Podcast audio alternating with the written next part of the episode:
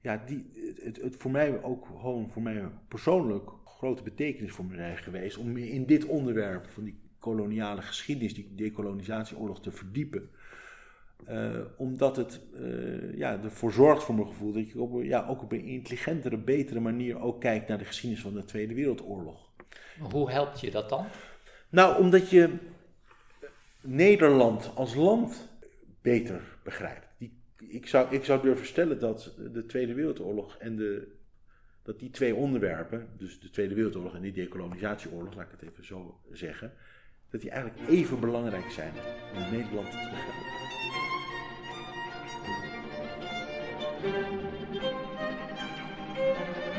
Welkom bij Manassecast, de podcast van het Manasse Ben Israël Instituut. Ik spreek vandaag met Maurice Zwerk, schrijver van het veelgeprezen boek De Indische Doofpot, genomineerd voor de Prinsjesboekenprijs voor het beste politieke boek van het jaar en uitgeroepen tot een van de beste 50 boeken van het jaar door NRC Handelsblad. Zwerk is onderzoeksjournalist met interesse in mensenrechten en rechtsgeschiedenis. De Indische doofpot gaat over de vele pogingen vanuit de Nederlandse overheid om de waarheid achter de Nederlandse oorlogsmisdaden in Indonesië te onderdrukken en te zorgen dat deze nooit werden vervolgd. Maar Swerk heeft zich altijd ook veel met Joodse onderwerpen bezig gehouden. Zo was hij tussen 2011 en 2015 hoofdredacteur van het NIW en schreef hij eerder altijd Massel over het dagelijks leven van Joden door de wereld aan het begin van deze eeuw. Ook het verhaal van de Indische doofpot kent Joodse perspectieven. Er komen Joden voor in zijn verhaal en het speelt zich af tegen de achtergrond van onze omgang met oorlogsmisdaden van de nazi's tegen de Joden begaan. Genoeg aanleiding voor een gesprek over zijn boek, over de manier waarop Nederland omgaat met de zwarte bladzijde in zijn geschiedenis en de relevantie van onze hernieuwde interesse in de koloniale geschiedenis voor de verhoudingen van Nederland met zijn Joodse inwoners. Beste Maurice, voordat we aan die grote onderwerpen komen, wil ik het graag eerst gewoon even over je boek hebben. De Indische doofpot. Ja, wat zat er in die doofpot? Massamoorden, uh, uh, structurele martelpraktijken, verkrachtingen, plunderingen.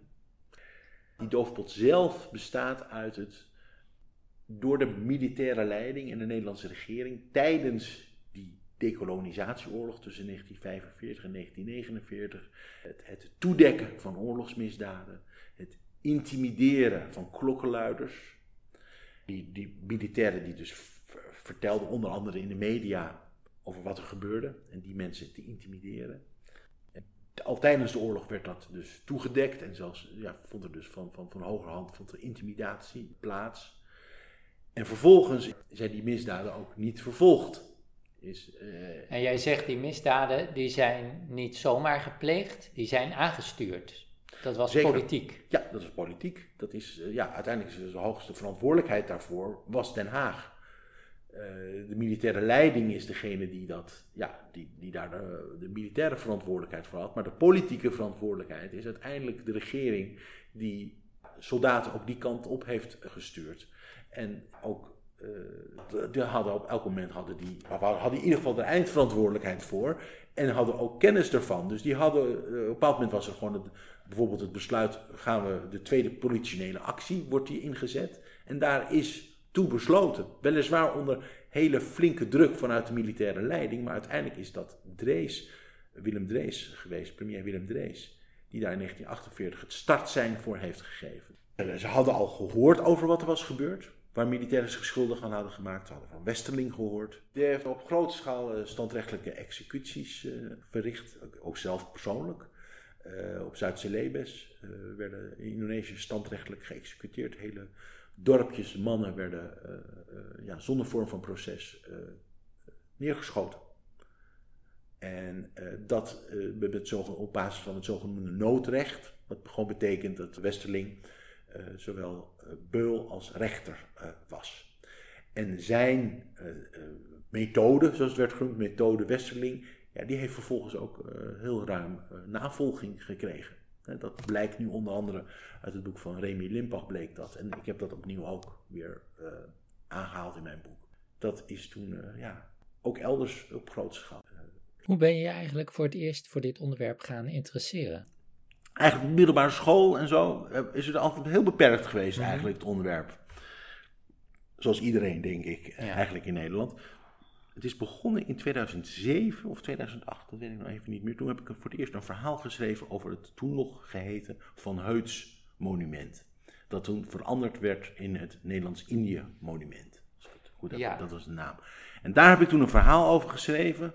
Daar heb ik toen ook verschillende mensen voor geïnterviewd. Dat staat op de Apollolaan. Dat is gemaakt in de jaren 30 ter ere van generaal Van, van Heuts. Generaal die eh, ja, een hoge positie had in het, eh, in, in, in, eh, in het koloniale leger. En in ja, grove wijze eh massaslachtingen heeft aangericht. En daar is toen een monument... Enorm bombastisch monument. Hè? Enorm Ja. monument. Het was ook al toen al heel controversieel. Op die geschiedenis stuitte ik toen al. Dat was wel een moment dat die geschiedenis wel meer voor mij ging leven. En dat zowel slachtoffers als daders en, en eh, alle verschillende groepen, dus Indonesische slachtoffers en veteranen, ik sprak. En toen is, dat is eigenlijk toen al wel, eh, wel begonnen. En vanaf dat moment heb ik altijd wel eh, dus interesse. En toen kwam het proefschrift van Remy Limpach. En dat was mede naar aanleiding daarvan. ben ik toen eigenlijk benaderd. Dat was toen viel een beetje samen met die vraag van de Groene Amsterdammer. Ja, en toen ben, je, ben, jij, ben jij daarin gedoken. De, dat proefschrift van Lempach is toch een, een, een, een, soort van kantelpunt. Absoluut. Ja, Ja, zeker, zeker. Ja, dus dat is absoluut Voor- een eye-opener eh, geweest voor mij. Ook, of, of qua onderwerpen, maar ook qua ja, ehm, ja, de beschrijving. De, de, de, voor het eerst eigenlijk echt beschrijving van, van, van wat, er, wat er is gebeurd. De omvang van, van, van, van de, de, de misdaden en ook hoe dat bewust eh, eh, tot op heel hoog niveau eh, is, ja, de opdracht daartoe feitelijk is gegeven, in ieder geval is toegelaten. Wat mij pakte, was ja, het, het politieke element eh, erin. Toen ik, toen ik bij mijn onderzoek stuitte op eh, die verjaringswet, daar was heel weinig over geschreven, uit 1971. Toen ik daarop stuitte, dus ik, ik was gezekerd van de misdaden, die, maar die, die ik vond het heel indrukwekkend het boek van Remy Limpach eh, te lezen. Heel, ja, heel indringend. Maar voor mij persoonlijk als journalist was het stuiten op die verjaringswet was wel echt, ja, dat vond ik iets ongelooflijks. Dat was echt een soort van, ja, die doofpot die, waar ik toen op stuitte. Nou laten we het, laten we het daar dan iets, iets meer over hebben. Ehm, want eh, dat is eigenlijk waar je boek in culmineert. Eh, de, de uiteindelijke beslissing dat de oorlogsmisdaden gepleegd toen niet meer kunnen worden vervolgd. Ja. En heel paradoxaal eigenlijk is dat een uitkomst van de discussies die er zijn geweest eh, om te zorgen dat nazi-oorlogsmisdaden altijd nog kunnen worden vervolgd en eh, nooit verjaren. Ja. Kan je me uitleggen, eh, dat is heel vreemd, dat dus besloten is dat het ene nooit verjaart en het andere wel verjaart. Hoe dat, hoe dat kan en hoe dat is gegaan.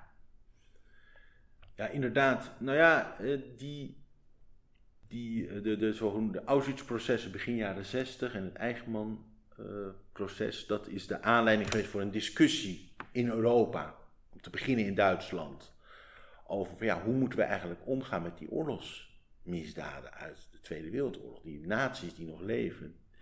Wat moeten we daar eigenlijk mee? Dat in, in, in, in Duitsland zouden die binnen afzienbare tijd verjaren. Dus niet meer vervolgd eh, kunnen worden. Dus daar kwam een hele discussie in Duitsland, maar ook in andere landen kwam die los. Maar vooral ook andere landen die oordeelden over hoe Duitsland daarmee omging. En in, in dat kader kwam ook in Nederland de discussie daarover, aanvankelijk over die nazi-misdaden op gang. Van Wat, wat willen wij er eigenlijk in Nederland mee? En toen kwam op een bepaald moment vooral eh, ja, achter de schermen automatisch ook de vraag: ja, maar we hebben ook nog andere oorlogsmisdaden in Indonesië. Wat, wat, wat, wat, wat moet daarmee? En daar is toen op een bepaald moment, ja, was er ehm, een internationaal verdrag, werd er gesloten bij de VN over verjaring van oorlogsmisdaden en misdaden tegen de menselijkheid. Dat verdrag werd gesloten in 1968. Er sloten zich een beperkt aantal landen bij aan. Niet de westerse landen, ook niet Nederland wilde dat niet tekenen. Onder andere omdat aan dat verdrag terugwerkende kracht zat. Dus ook oorlogsmisdaden die al verjaard waren, die zouden dan nu niet meer verjaard zijn. Dus oorlogsmisdaden verjaarden nooit. En Nederland heeft toen gezegd: wij gaan zelf een verjaringswet opzetten. Wij tekenen het verdrag niet, maar wij gaan zelf dat regelen in een wet. En die wet uh, die regelde eigenlijk uh, ja, dat alle oorlogsmisdaden nooit meer verjaren. Dat gold dus voor uh, misdaden uit de Tweede Wereldoorlog. Maar er was een, door, het is een ingewikkelde juridische constructie, maar door die juridische werkelijkheid die er was, was, was file. een wet die in 1951 was ingesteld, wet oorlogsstrafrecht um, waren die oorlogsmisdaden uit Indonesië, Nederlands-Indië, die periode, die zouden tussen 1971 en 1973 voor het grootste gedeelte verjaren. En een deel was al verjaard. En het was dus expliciet aan de orde, bij het maken van die wet, willen wij ervoor zorgen dat die oorlogsmisdaden uit Nederlands-Indië, dat die ook niet verjaren. Willen we er ook voor zorgen dat ook die vervolgd kunnen worden, blijven worden. En daar is dus heel bewust is daar toen voor gekozen. Nee, dat willen we niet. We zorgen, deze wet zorgt ervoor dat uit de Tweede Wereldoorlog de oorlogsmisdaden nooit verjaren. Uh, na de periode van de oorlog in Indonesië, dat verjaart nooit meer. Maar die periode in Nederlands-Indië, die, die laten we verjaren. Dus het is een beetje een ingewikkeld juridisch verhaal, maar dat is waar het uiteindelijk op neerkomt. Er is gewoon een uitzondering gemaakt voor die periode. En dat kan dus juridisch, want het lijkt me heel krom. Het is ook heel krom en het is ook, maar het, het, het, is, het is dus een. Als je er juridisch naar kijkt, is het eigenlijk. Wordt, grijp je in om dat te repareren of niet? En het is een hele bewuste keuze geweest om niet dat te repareren in die wet. Maar wat heel belangrijk is, uh, en dat heb ik dus, dat, die notities uh, en, en, en post-itjes die ik heb gevonden, die maken duidelijk dat het een heel bewuste keuze is geweest om dat zo te regelen. En dat kan, ja, dat kan, maar het was ja, heel, op een hele stiekeme manier is dat gegaan. En ook dat, hè, dat niet informeren van de Tweede Kamer, is bewust niet gebeurd. Dat is een bewuste actie geweest. We moeten geen slapende honden wakker maken. En in dat verhaal komt een intrigerend persoon voor in je boek. Dat is de Joodse jurist uh, Guus Belefante. Die is een van de weinigen die in 1954 al een kritische nota schrijft over de rechteloosheid van de massamoorden op Zuid-Celebes. En je schrijft over hem: Benefantes persoonlijke geschiedenis is getekend door de Tweede Wereldoorlog, wat zijn professionele kijk op de wereld heeft bepaald. Kan je daar iets meer over zeggen? Ja, eh, Benefante was, uh, komt uit een ja, beleidend Joodse familie in Den Haag voor de oorlog samen met zijn vader had hij een advocatenpraktijk en was ook betrokken bij het opvangen van Joodse vluchtelingen uit Duitsland. Die vader heeft hij onder andere heeft hij verloren tijdens de, oorlog. Die heeft eigenlijk zelfs ja, een beetje zijn plek, zijn eigen plek op, uh, zichzelf een beetje, ja, zich een beetje en heeft zich opgeofferd voor zijn zoon. Op een bepaald moment was er een keuzemoment eh, voor onderduiken. En nou, dat, daar, heeft hij zich ook altijd schuldig uh, over gevoeld, over die situatie, als ik het goed heb. Ja, er verschijnt binnenkort ook een, uh, de, biografie van Guus Benefante door Geke van der Wal geschreven. Daar zie ik zeer naar uit. Die, die zal ja, zijn levensgeschiedenis diepgaand beschrijven. In ieder geval, het leven van Guus Benefante is zwaar, was zwaar getekend door de Tweede Wereldoorlog. Hij heeft het overleefd in de onderduik.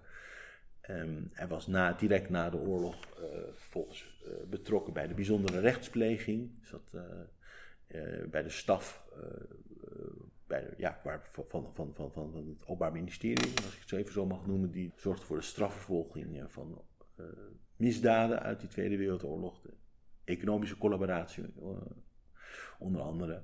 En ja, dus in die zin was hij ja, heel erg betrokken bij die geschiedenis. En uh, is vervolgens uh, staatsraad geworden bij het ministerie van Justitie. Dat is een hoge positie als ambtenaar. En in die hoedanigheid is hij benaderd. Toen op een bepaald moment was er een, in 1949 is, er een groep juristen is naar Nederlands-Indië gestuurd. Het laatste stukje nog dat het Nederlands-Indië heette. En die juristen zijn, hebben informatie verzameld en die hebben een, over, over Westerling, het belangrijkste, Raymond Westerling, bekendste ja, oorlogsmisdadiger, zou je kunnen zeggen, Nederlandse oorlogsmisdadiger uit die periode. En nog een aantal andere oorlogsmisdaden hebben zij onderzoek naar gedaan. En uiteindelijk in 1954 zijn ze met een heel kritisch rapport gekomen. Uh, die juristen, dus uiteindelijk twee juristen. Een heel kritisch rapport over ja, uh, de legerleiding. Uh, en op wat er, maar ook, ook, uiteindelijk ook zelfs de politieke leiding. En het ministerie van Justitie is toen van, is, is gezegd, toen in 1954, toen dat rapport binnenkwam, wat moeten wij hier nou mee? Laten we hier nou ook nog een, iemand van ons ministerie naar dit rapport kijken.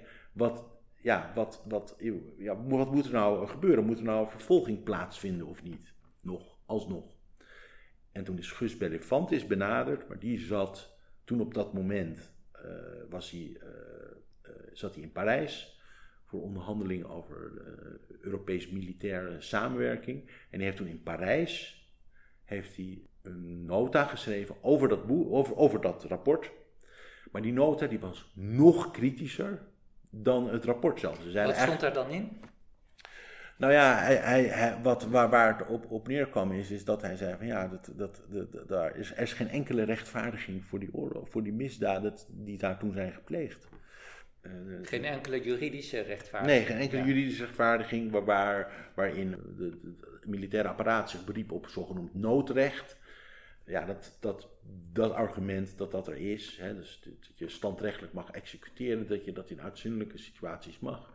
Daarom, dat maakt hij met de, de, de grond gelijk. Hij zegt, daar is gewoon geen enkele rechtvaardiging uh, in. En hij maakt ook expliciet uh, uh, de vergelijking met de, de, het naziregime. Dat is heel indringend dat hij dat dus doet. Hij verwijst daarnaar. Hij zegt, ja, hij zegt zelfs op een bepaald moment, dat de Duitsers hadden in ieder geval nog eh, dat ze het, het, het, het, de, de, die nog een soort van juridische context waarin ze hun daden plaatsten. Uh, dat, zelfs dat uh, is eigenlijk niet gebeurd in Nederlands-Indië. Dus hij was heel, heel kritisch daarop. En dat, is, ja, dat was vrij uitzonderlijk. En, jij denkt dat, dat dat tegen de stroom ingaan wat hij deed? Of, of was dat ook weer niet? Nou, het is een beetje lastig. Het, het, het, er is eigenlijk namelijk best wel veel kritiek geweest, later vooral, op de rol van Bellefante zelf tijdens de bijzondere rechtspleging. Dat die eigenlijk die bijzondere rechtspleging, daar, daar is eigenlijk, wordt wel redelijk kritisch naar gekeken, vooral waar het gaat om de economische collaboratie. Eigenlijk het leeuwendeel uh, is eigenlijk niet vervolgd van mensen die zich daar schuldig aan hebben gemaakt. Um, en eigenlijk ja, wordt gezegd, hij heeft daar te vergoeilijkend over geschreven, hij heeft daar een boek over geschreven. Later, in plaats van Bijltjesdag. En dat maar hij heeft eigenlijk daar zelf ook een rol in vervuld. Ja, wat, wat je zou kunnen zeggen is, nou, die, die meer vergoeilijkende, wat softe rol misschien die hij toen heeft gespeeld. dit, ik, ik, ben heel benieuwd hoe daar nou in die biografie nog naar wordt gekeken, hoe soft hij nou echt uh, was. Maar daar is echt wel goed gefundeerde kritiek op. En je zou kunnen zeggen, nou ja, uh, hier heeft hij, uh, ja, heeft hij in alle scherpte geoordeeld. Maar dat is wel gek eigenlijk. Ja, nou ja, hij, Nee, dat hij op de, aan de ene kant dus heel voorzichtig en heel mild is in zijn kritiek, juist als het gaat om de nazi-oorlogsmisdaden. Terwijl hij juist heel scherp, scherp is als het gaat om die, die misdaden in Indonesië. Ja, nou ja, ik weet niet of hij mild is. Ik denk dat hij is gewoon, dat apparaat was gewoon mild.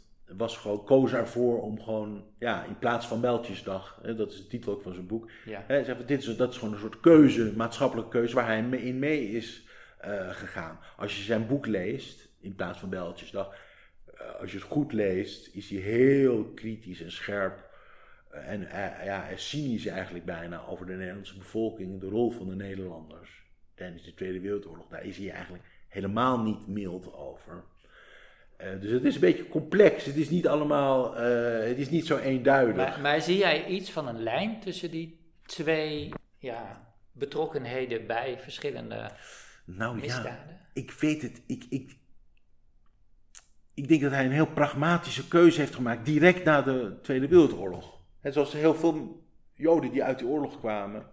Hij kreeg een functie daarin en hij wilde gewoon vooruitkijken. Zou ik, zou ik zomaar zeggen, ik eventjes zonder dat ik dat helemaal kan onderbouwen. Maar zoals vele anderen, dat is het gevoel dat ik een beetje krijg. Dat die, nou, dan gaan we vooruit en die samenleving, we moeten gewoon nu verder. Ja. En 1954 is toch net weer even een paar jaren verder. En het is niet zijn eigen persoonlijke geschiedenis. Het is niet zijn eigen persoonlijke geschiedenis, wat wellicht ook een rol heeft gespeeld, maar dat weet ik niet zeker. Maar hij, uh, het moment dat hij uh, die notitie schreef, bevond hij zich uh, in Parijs. in de revolutionaire sfeer van premier, sfeer van premier Mendes France, de Joodse premier. Die er toen, heel kort is die er geweest, maar dat is een hele belangrijke periode in de Franse geschiedenis. En specifiek in de Franse decolonisatiegeschiedenis. De, in, de, in de, wat is het, iets meer dan twaalf maanden, dat, niet eens, dat Pierre Mendes France uh, aan de macht is geweest, ik beschrijf het ook in mijn boek, heeft hij een heleboel, uh, heeft eigenlijk de decolonisatie voor een belangrijk deel uh, in gang gezet. Met een enorm elan. En ja, het zou best kunnen dat misschien dat, dat Belefante een beetje beïnvloed is daardoor. In die Aangestoken is door die sfeer. Een klein beetje, ja. Hij was een heel, dat is wat je steeds leest, dat hij een gematigd sociaal-democraat was. maar ik zeg, dat, uh, met, ik zeg dat zonder dat ik dat kan onderbouwen.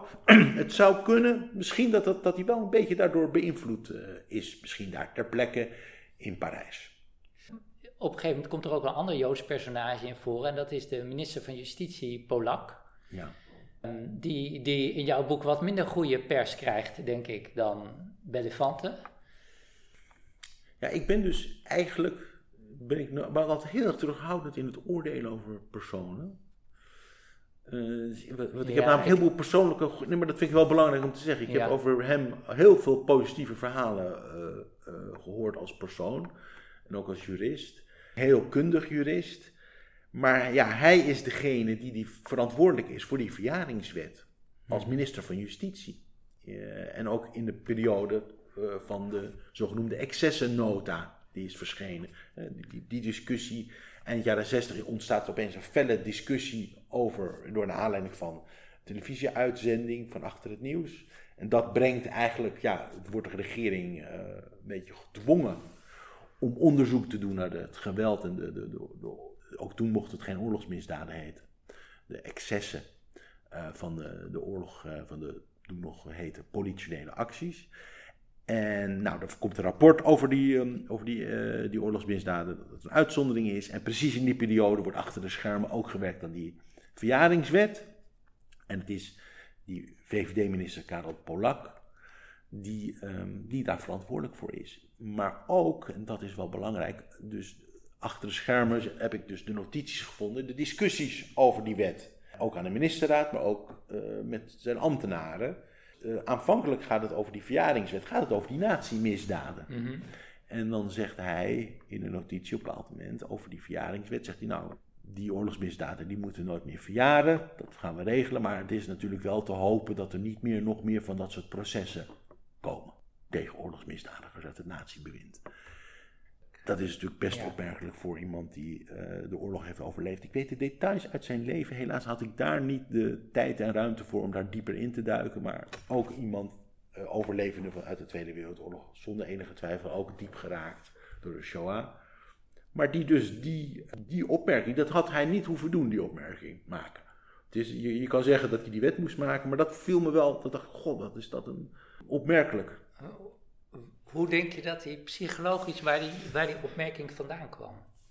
Ja, dat is een hele moeilijke vraag. Je zou denken van ja, dat uh, rakelt alleen maar allemaal ellende op. Mm -hmm. En wat, wat koop je ervoor? Uh, hij verwijst ook naar een, een andere oorlogsmisdaad, waarvan ik de naam even niet weet, een hoge Oostenrijker, die vervolgd is, veroordeeld is en vervolgens weer heel snel weer is vrijgelaten.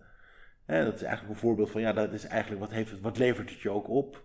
Ja, het is de jaren zestig zijn het, begin jaren zeventig. Je bent misschien ook een beetje kwetsbaar als hoge minister Joodse, met Joodse achtergrond. Uh, als je daar heel erg op hamert, ben je misschien kwetsbaar. Denk je zelf ook in die tijd? Ik denk, als ik probeer even.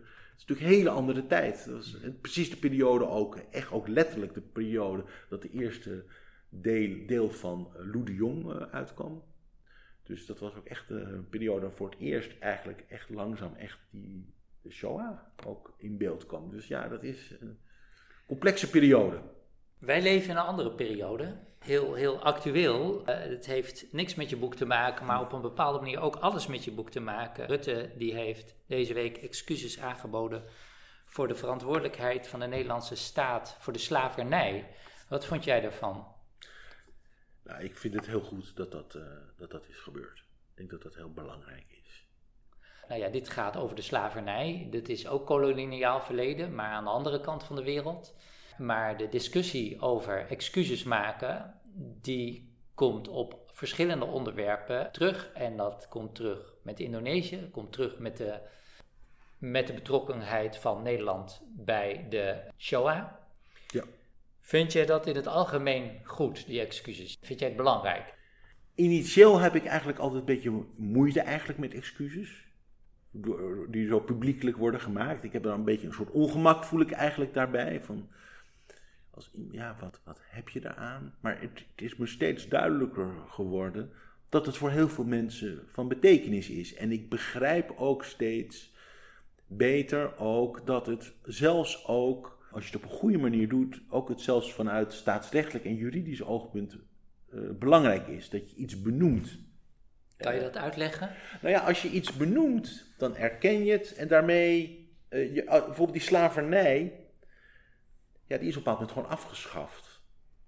Maar er is nooit over gezegd dat was verkeerd.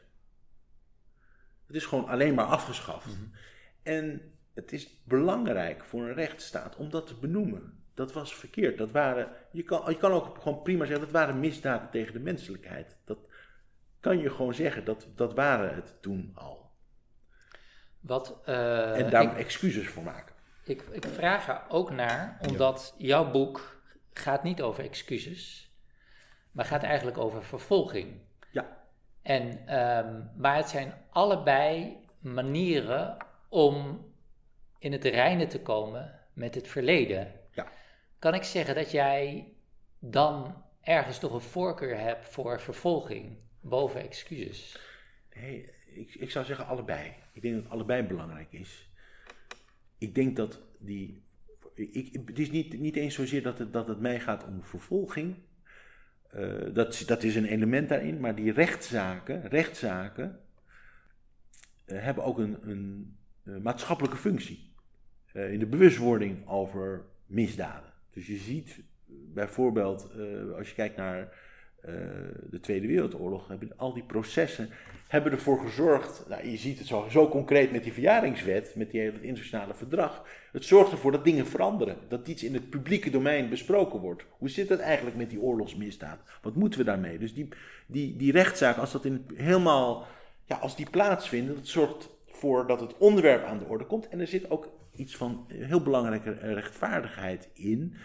Per definitie bij een rechtszaak komt ook dit hele trap van verantwoordelijkheden in beeld. Degene die opdracht hebben gegeven. En een van de belangrijkste elementen van het feit dat, dat die oorlogsmisdaden uit Indonesië, Nederlands-Indië, nooit zijn vervolgd, heeft ervoor gezorgd dat bijvoorbeeld die Indië-veteranen, die zijn altijd in het publieke domein, wel degelijk altijd, is daarvan gezegd, dat, dat, dat, dat, dat, dat wat daar is gebeurd, dat deugt niet. Zelfs eigenlijk al, ook al tijdens, tijdens de oorlog. Dus eigenlijk zijn die wel in de publieke opinie eigenlijk altijd wel veroordeeld al. Maar het, onrecht zit erin, dat zij wel tegen. Dat, en dat gaven ze ook aan, vaak in de loop van de decennia. Maar wij hebben dat niet zomaar gedaan. Wij hebben opdracht gekregen daarvoor. En er was een regering die opdracht heeft gegeven om het leger daarheen te sturen. En het belangrijke van een rechtszaak is, is dat dat onontkoombaar in beeld komt. En dat is ook iets wat ik in mijn boek tastbaar heb gemaakt. Dat dat ook een van de belangrijkste redenen is geweest waarom die regering geen vervolging wilde. Want dan zou de eigen rol van Drees, uh, van Beel, allemaal premiers onder andere, zou in beeld komen. En zo'n rechtszaak, uh, dat is dus wat, wat, wat, wat waarom, waarom, dus, uh, waarom ik zeg, ja, waarom, waarom is die vervolging belangrijk? Dat is niet alleen maar omdat je de daders ervan wil straffen. Nou, dat, dat is iets wat bij een rechtsstaat hoort. Als iemand een misdaad heeft begaan, dan vervolg je die en dan eventueel volgt er een straf. Maar het is ook het maatschappelijke belang ervan. Bij het Eichmann-proces is dat denk ik heel erg duidelijk. Dat wordt uh, alom gezien als een van de belangrijkste momenten waarop de hele wereld uh, de ernst en het belang van de Holocaust is gaan inzien. Denk je dat er ook zoiets had moeten zijn over Indonesië, zo'n soort proces? Met ook getuigenissen misschien? Ik denk dat dat heel veel had uitgemaakt. Dat denk ik wel. Ik kan het niet hard maar ik denk, ik denk dat, dat, dat dat wel degelijk. Het, het heeft alleen al gewoon het feit toen in 1969 die televisieuitzending was met die getuigenverklaring. Dat heeft al voor een enorme uh, bewustwording gezorgd. Maar ik denk dat dat, ja, als er zo, dat soort processen waren geweest, dat, dat, dat zou zomaar een heel, in verschillende opzichten een rol hebben kunnen Toch is er ook altijd wel kritiek geweest op die kant van die natieprocessen, omdat het toch een beetje de schijn van showprocessen krijgt. In de zin van dat het dan gaat om, uh, zeker met het Eichmann-proces, ja, om de maatschappelijke reuring en niet om de pure juridische vraag van is iemand schuldig en wat is de straf die die persoon moet krijgen. Ja. ja, nou ja, we hebben gewoon een rechtssysteem waarin uh, gewoon Openbaar Ministerie op basis van uh, feiten vervolgt. Ja, je hebt gewoon dat, die rechtszaak, dat is gewoon primair wat er gebeurt. Het, het was natuurlijk wel een heel bijzondere consternatie met een ontvoering die eraan vooraf ging. En nou goed, heel, heel uh, verhaal. Maar dat element dat het, ja, dat het een, ook een deel een showproces is, ja, maar dat, het, dat, is een, dat begrijp ik wel voor een deel, dat verwijt. Maar aan de andere kant, dat is ook de functie van het recht. Dus dat hoort er echt bij. Dat is, dat is geen bijzaak. Jouw boek is een, eh, een boek over ambtenaren, over wetten, over wetgeving, soms juridisch, soms heel politiek. Het gaat ook over mediastormen die er veel zijn. Maar uiteindelijk heb ik het gevoel dat het je toch ook te doen is om iets groters voor wat voor land Nederland is. Ja, dat is, dat is waar. Het is, het is bijna een onontkoombaar onderwerp eigenlijk. Hè, als je je bezighoudt met, met, met, met, met, met Tweede Wereldoorlog, met oorlogsmisdaad, dat soort zaken. Dan kom je bijna automatisch kom je erop, op, op een, rol, een plek van minderheden in de samenleving. Maar het gaat mij inderdaad over het, het, het zelfbeeld. Het gaat wat wat heel duidelijk naar voren komt in deze geschiedenis is dat eh, Nederlanders, niet anders dan andere landen, het moeilijk vinden om in de rol van dader uh, te zitten. Dus de rol van slachtoffer is, uh, is, is prettiger en toeschouwer misschien dan nog. Maar dader, dat is toch wel.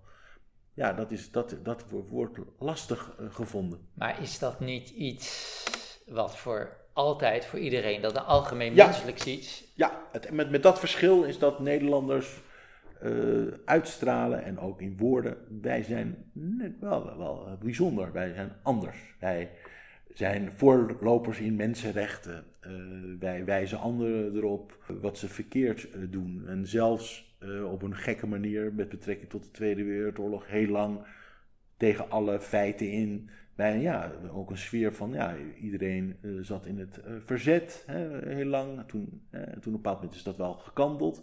Ja, die, het, het, voor mij ook gewoon, voor mij persoonlijk ook, is het, het, het, is het van heel, ja, is het heel grote betekenis voor mij geweest om in dit onderwerp van die koloniale geschiedenis, die decolonisatieoorlog te verdiepen.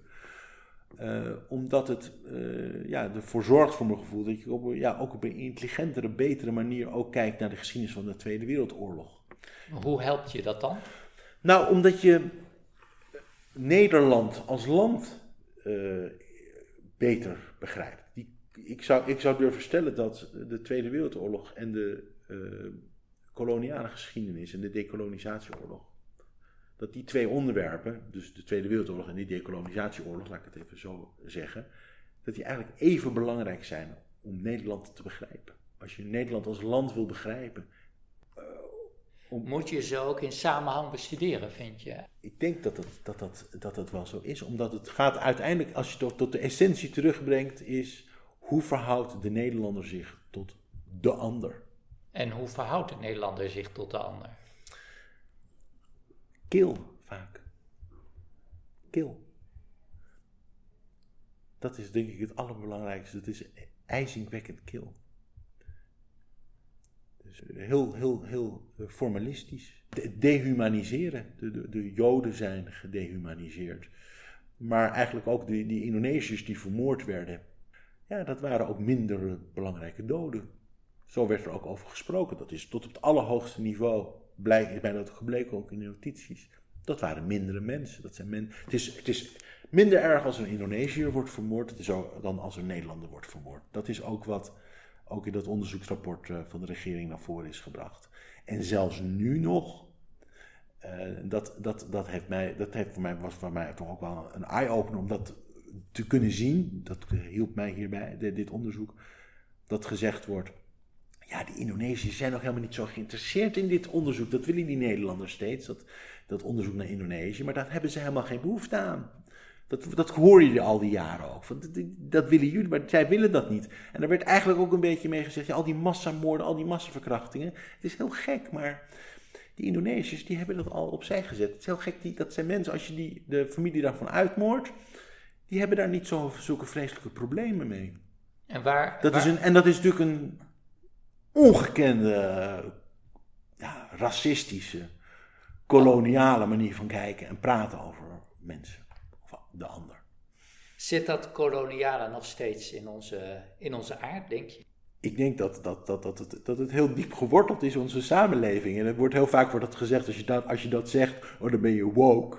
Uh, ik denk dat het ermee te maken heeft dat de, altijd de meest extreme uh, kanten van, dat, dit, uh, van de personen in het debat worden aangehaald. Maar ik denk dat je ook gewoon met een heel realistische blik kan zeggen, gewoon de manier waarop wij naar de wereld kijken in Nederland, in West-Europa überhaupt. Ja, dat is zo eeuwen van geschiedenis ligt, daar aan ten grondslag. Dus natuurlijk is die, ja, die blik dat wij, ja, waar, waar, waar, waar überhaupt dat we uh, ja, vinden dat, dat, dat, ja, dat, dat je op, verschillende manieren moet kunnen omgaan met mensen elders dan als hier. Ja, dat is een koloniale... Denk je dat dat koloniale uh, houding, dat het ook zijn weerslag heeft gehad op waarop er in de oorlog naar de Joden is gekeken, weggekeken? Nou, ik denk dat, ik, ik denk dat daar wel een specifieke eigen geschiedenis, dat, nee, dat weet ik eigenlijk wel zeker. Daar zit een andere geschiedenis, dat is hier in Europa. Uh, een verhouding van de Joden tot ja, vooral van de Nederlandse bevolking, van de Europese bevolking tot, tot Joden, christenen, de verhouding tot Joden. Ik denk dat dat daar een eigen specifieke geschiedenis is. Maar wel in het algemene zin denk ik dat gewoon de westerse christelijke cultuur wel zegt van wij zijn zich verheven voelt boven een ander.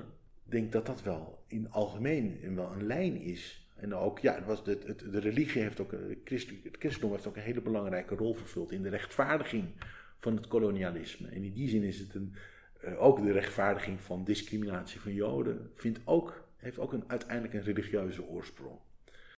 Soms wordt beweerd dat die draai naar de interesse in de koloniale geschiedenis op een of andere manier ten koste gaat van de erkenning van de Joden als minderheid. Uh, er is bijvoorbeeld uh, die, die rel die is er geweest van Rogier Meijerink. Die wilde 4 mei saboteren omdat de daders van koloniale misdaden in Indonesië werden herdacht. Uh, en de slachtoffers, die, die Nederlandse onderdanen, waren niet. Hoe kijk je tegen dat soort discussies aan? Ik begrijp de frustratie in ieder geval van, vanuit Indische kringen of, of, of, of Indonesische slachtoffers, begrijp ik wel frustratie over het gebrek aan aandacht dat voor hun positie is geweest, begrijp ik. Maar het gaat hier nu specifiek over de koloniale daden. Nou ja, ik heb het over dat, dat gebrek aan aandacht. Dat vaak wordt van vergeleken met de uh, hele vele aandacht dat er is voor, voor de Shoah. Ja, nou ik zou zeggen, er is genoeg ruimte voor alle, alle leed. Laten we vooral niet uh, doen, laten we vooral niet een soort competitie daarvan maken. Dus daar ben ik eigenlijk wel vrij kritisch over als mensen zeggen, ja, dat, dat, is daar veel aandacht voor. Ik begrijp het voor een deel, uh, namelijk, hè, daar, daar, dus emotioneel kan ik, begrijp ik dat mensen dat kunnen, zo kunnen voelen. Maar ik zou zeggen, uh, er, is genoeg ruimte voor al het leed. Laten we in ieder geval dat, ja, daar alle, alle ruimte voor geven. Dat, dat lijkt me een mooi streven. Eh, laat ik nog een keer zeggen dat ik het een uh, heel indrukwekkend boek vond, een Tour de Force, waar heel veel in staat, waar je ontzettend veel uit kan leren en dat ook heel prettig geschreven is nog eens een keer. Van harte bedankt. Dit was Manaskast met Maurice Zwerk.